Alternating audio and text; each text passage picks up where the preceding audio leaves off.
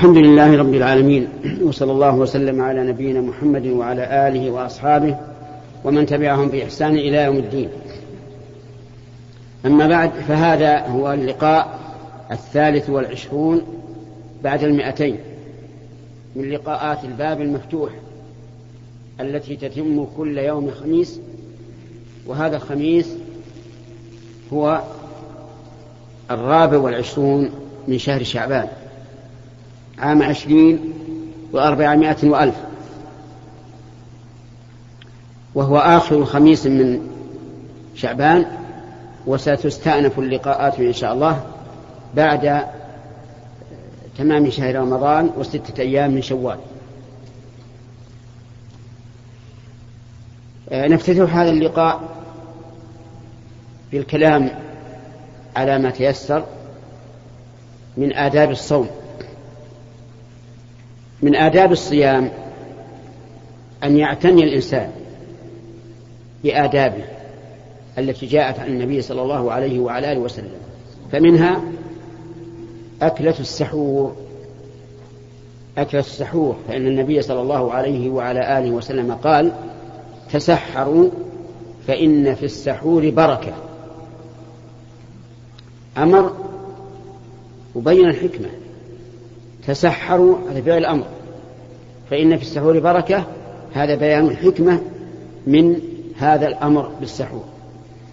من بركة هذا السحور. أولا أن فيه امتثال أمر النبي صلى الله عليه وعلى آله وسلم. ولا شك أن امتثال أمر النبي صلى الله عليه وسلم خير وبركة. قال الله عز وجل قل إن كنتم تحبون الله فاتبعوني يحببكم الله ويغفر لكم ذنوبكم. هذه من بركاته. من بركة هذا السحور أنه فصل ما بيننا وبين صيام أهل الكتاب. لأن أهل الكتاب لا يتسحرون. يأكلون الطعام قبل منتصف الليل ويبدأون بالصوم من منتصف الليل إلى منتصف النهار. لكن لكن المسلمين يأكلون السحور في آخر الليل.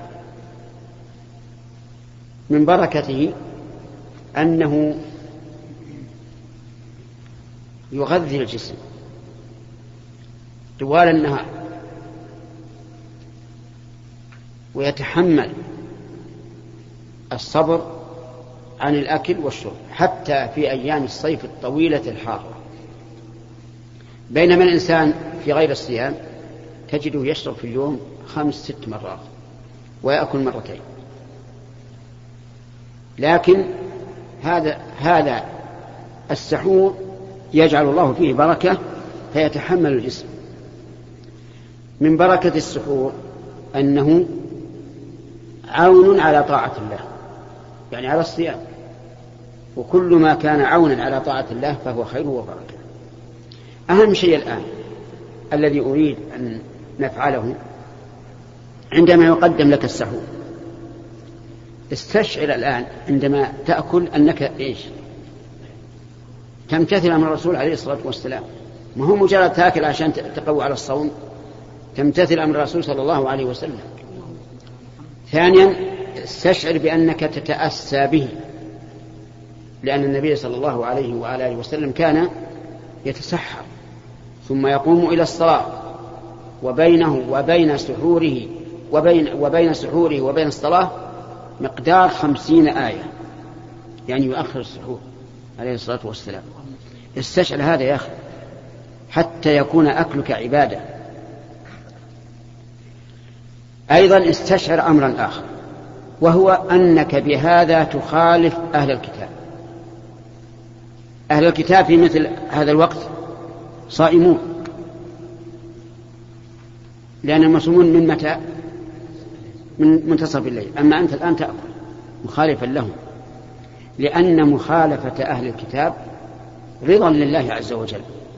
فإنهم أعداء الله. فمخالفتهم رضا لله تبارك وتعالى. وموافقتهم يخشى أن ينزل على الإنسان فيه السخط. ولهذا نهى عمر رضي الله عنه عن دخول الكنائس حين يتعبد فيها النصارى وقال أخشى أن تنزل عليكم السخطة نعم. شغله طيب. ومن آداب الصيام أن يكون الإنسان شاغلا وقته بطاعة الله عز وجل من الذكر وقراءة القرآن والصدقة والإحسان إلى الناس. لأن النبي صلى الله عليه وعلى آله وسلم كان أجود الناس وكان أجود ما يكون في رمضان. حين يأتيه جبريل فيدارسه القرآن. فلرسول الله صلى الله عليه وعلى آله وسلم حين يدارسه جبريل القرآن أجود بالخير من الريح المرسلة. لا تجعل يوم صومك كيوم فطرك. اجعل عليك الخشوع والتعبد وقراءة واقرأ القرآن. أكثر من قراءة القرآن لأن شهر رمضان هو شهر شهر القرآن.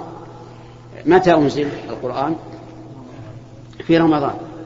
إذن هو شهر القرآن. أكثر فيه من قراءة القرآن بتأمل وتدبر واستحضار بأنك تقرأ كلام الله عز وجل كلام رب العالمين.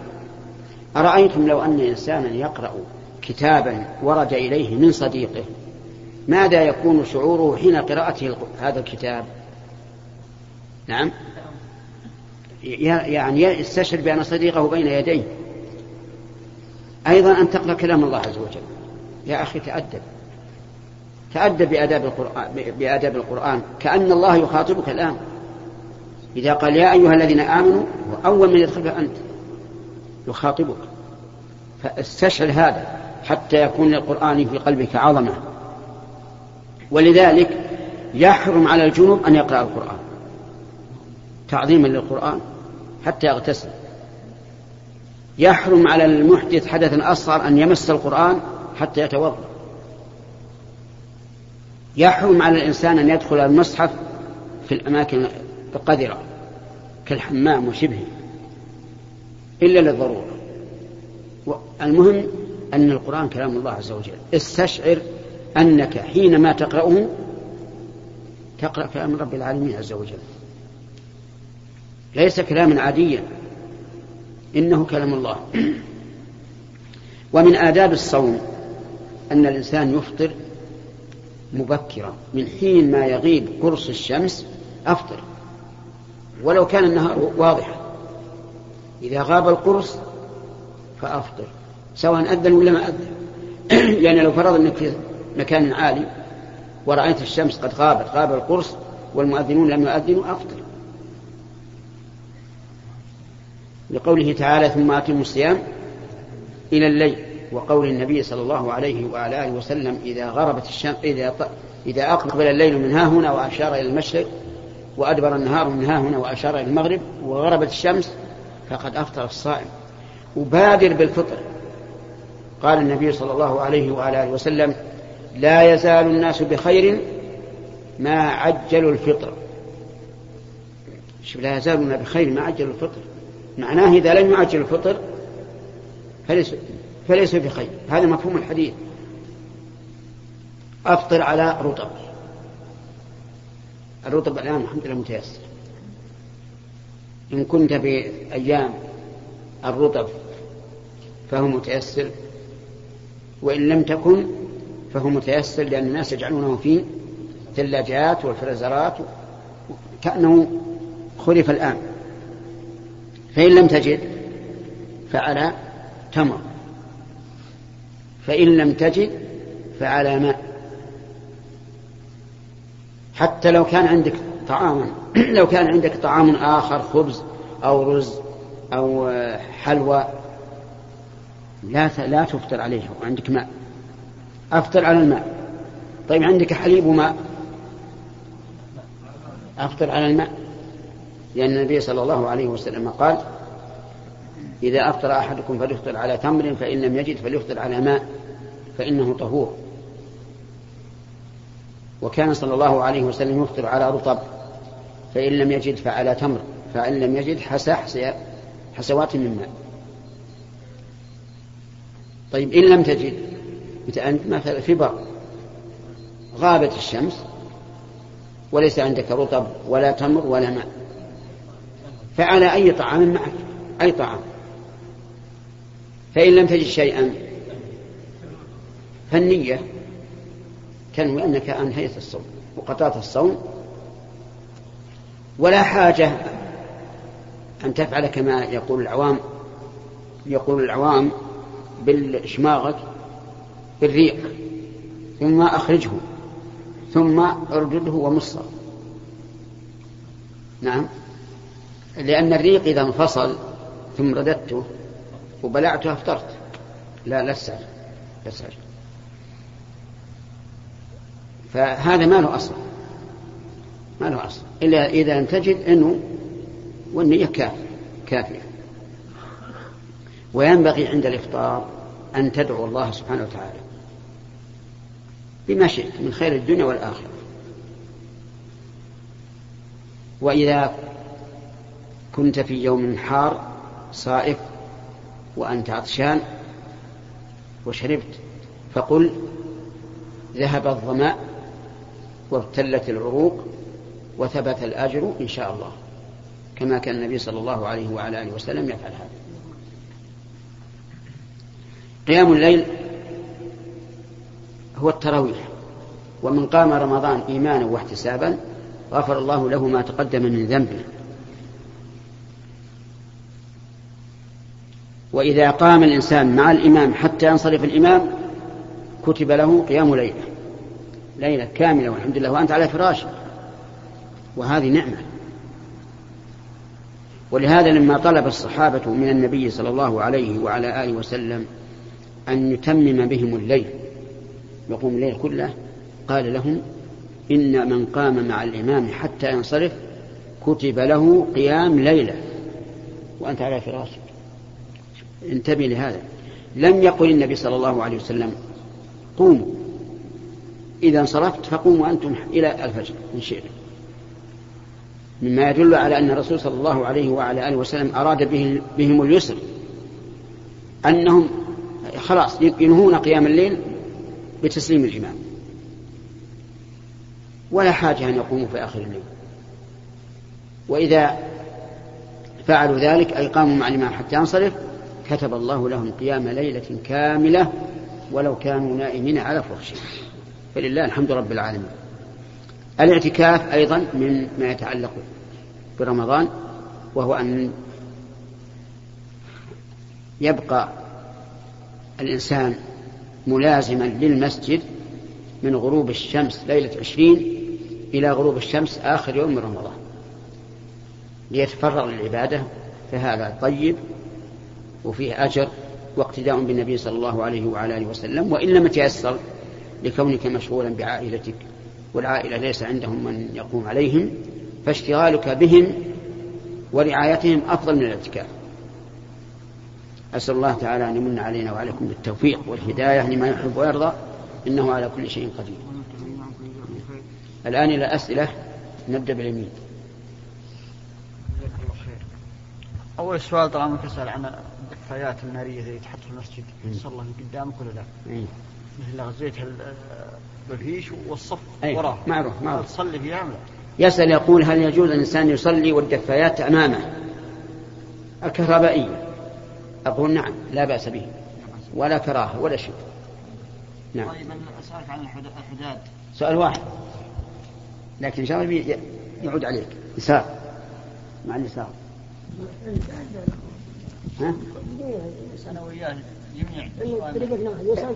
أجل أسأل أنت عن الإحداد اللي يقول. يسأل عن الإحداد يقول. يسأل عن الإحداد النساء. يقول إحنا نروح للطبيب رجال يقول. إن نعالج معهم ولا يجوز لنا كذا؟ آه، المرأة المحادة معروف أنها تبقى في بيتها. للظروف يعني المرض ما بعد المرأة. المحادة تبقى في بيتها. ما تخرج؟ إلا لحاجة في النهار. الحاجة مثل امرأة ما عندها أحد يشتري لها خبز ولا طعام تخرج تشتري من السوق خبز وترجع. امرأة احتاجت إلى المستشفى تخرج من المستشفى وترجع. امرأة احتاجت إلى المحكمة لحصر الإرث أو لغير ذلك تخرج وترجع. المهم أنها لا تخرج من بيتها إلا لحاجة. حتى لو كان الذي يباشر علاجها رجلا فلا بأس. اليمين حكم المراهنة بعوض في جميع الأمور. المراهنة على عوض لا تجوز إلا في ثلاث مسائل. الإبل تسابقون عليها والخيل والسهام يعني الرمي. هذه أجاز النبي صلى الله عليه وعلى آله وسلم فيها العوض وما عدا ذلك لا يجوز. مراهنة الكفار قريش هذا يدل عليه على أبو بكر من باب العلم والعلم الشرعي كالجهاد في سبيل الله. نعم. عليك. يوجد الآن في في الأسواق بعض السلع يضع فيها أصحابها نقود تقل وتكثر حسب يعني حظ المشتري يقولون. فتجد أن السلعة بثلاثين ريال وربما تجد فيها إلى ثلاثين ألف ريال. كما يزعمون؟ وأعلنوا في الجريدة قبل يومين أن واحد حصل على ثلاثين ألف في علبة علبة حليب تسوى ثلاثين. ريال هذه دعاية. على كل حال إذا كان سعر الحليب ما زود تأخر ما تحجب إذا كان ما ما زيد واشترى الإنسان الحليب لأنه محتاج إليه. فلا بأس. لا مو ميسر لأن هذا الاشتراء إما سالم أو غانم. ما فيه إما غارم أو غانم. الميسر هو الذي يكون إما غارم وإما غانم. أما هذا إما سالم وإما غانم. نعم. لا إن كان إن كان الدافع للشراء هو الجائزة فلا يجوز. نعم. عندي يا شيخ جدتي. ها؟ جدتي عندها تغسل كلى غسيل كلى نعم. يفوت صلاة العصر والمغرب صلاتين. العصر والمغرب؟ إي نعم. إيه؟ وش يجوز تقدمها هذه سهلة. تجمع العصر إلى الظهر. قبل أن تبدأ بالغسيل وتجمع المغرب إلى العشاء. قبل أو بعد؟ لا قبل. ما دام الآن يعني من كلامك أنها تبدأ بالتأصيل بعد الظهر. الساعة 2 الساعة 2 إيه بعد الظهر. نقول اجمع العصر إلى إلى الظهر. صلي الظهر أول ما يذن ثم العصر وسابقة إلى إلى بعد المغرب. تجمع المغرب مع مع الأخير. إلى إلى نصف الليل أحسن الله عليك. قضية حديث النبي صلى الله عليه وسلم. لكن أتكلم على الصيام. هي تستطيع تصوم؟ الحمد لله. آه، قول النبي صلى الله عليه وسلم آه، أنت ذكرت شيخ إذا كان في وقت صيف وعطشان نعم. يسن له أن يقول ذهب الظما وابتلت العروق. نعم. وثبت الأجر. نعم وثبت الأجر إن شاء الله. نعم. لا يقال هذا إلا في فقط في الصيف أو العطش. أي نعم معلوم. يعني فصل الشتاء لا يقال. ما, ما يقال. لأنه لو, لو قال ذهب الظما قيل له كذبت ما في ظما لو قال ابتلت العروق قلنا كذبت العروق ما, ما يبسط حتى تبتل. نعم. والرسول صلى الله عليه وسلم ما قال إلا حقا قال ذهب الظما معناه أنه بالأول. ظمآن ابتلت العروق معناه أن العروق يابسة. نعم. عنك يا شيخ. إنسان إذا أتى المسجد ووجد الإمام مثلا قد شرع في تكبيرة الإحرام أو الفاتحة أو أنها ركعة هل الأفضل له أن يدخل في هذا المسجد؟ أو إذا رغب أن يحصل الفضيلة من إدراك الصلاة من تكبيرة الإحرام؟ أن يذهب مسجد مجاور أو كذا. ولا ذهب المجاور وإن كان فاتح التكبير يضمن يعني بعض المساجد معروفة يعني أنها تتأخر. إيه. إذا كان يضمن أنه إذا أتى يدرك تكبيرة الإحرام. الحمد لله أنا أرى أنه يبقى المسجد. من أدرك ركعة من الصلاة فقد أدرك الصلاة. حتى لو كان يريد الفضيلة. أبدا ولا في نفسه. الحمد لله. إذا كان ما فيها تكليف. ما أراها. أرى أن يدخل المسجد اللي داخل فيه ومع إمام ما أدركتم فصلوا وما فاتكم فأتموا. نعم لو كان بالأول قبل يدخل لا بأس. أما بعد أن دخل خلاص. يعني فأن يصلون في مكبرات الصوت بعض المساجد. تعلم أنت أنه في المهم هل أنت هل أنت عدلت المسجد هذا قبل تدخل المسجد ولا بعد؟ قبل ما أدخل المسجد. لا بأس. قبل لا بأس. أما بعد ما يمكن. إذا كان الإنسان ما يجوز يطلع من الم- من المسجد إلى أذن كيف والناس يصلون؟ إذا دخلت خلاص. لا تطلع إلا مصلي السلام عليكم نعم. ما حكم لعب الشطرنج؟ تعرف الشطرنج؟ وش؟ طاولة. وش عليها؟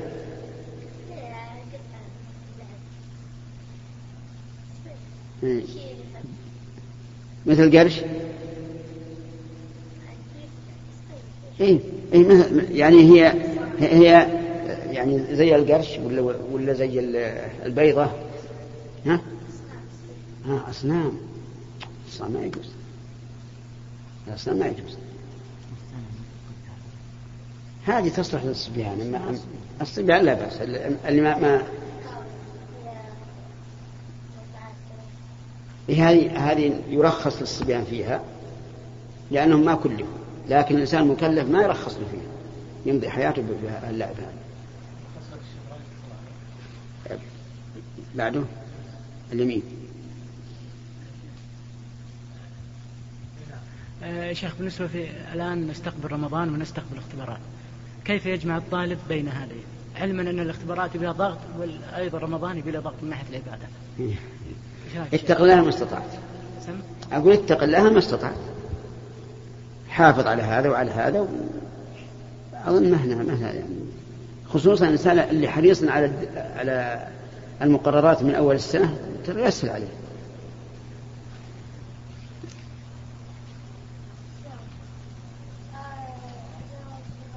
شخص مثلا هو في الصلاة مع الإمام مثلا بالسجود قال سبحان ربي العظيم. ونتذكر. هل يصلي صلاة آه، تذكر وقال سبحان ربي الأعلى ولا ما قالها ها؟ لما تذكر قال سبحان ربي الأعلى ولا ما قالها لا يا ما تذكر هو السجود. يوم ب... ب... آه يوم قال إيه يوم قام تذكر. هل يصلي س- سجود السهو؟ أي يصلي سجود السهو إلا إذا صار ما فات الشيء. إذا صار مع الجماعة. ولا فات الشيء ما يس- ما يصلي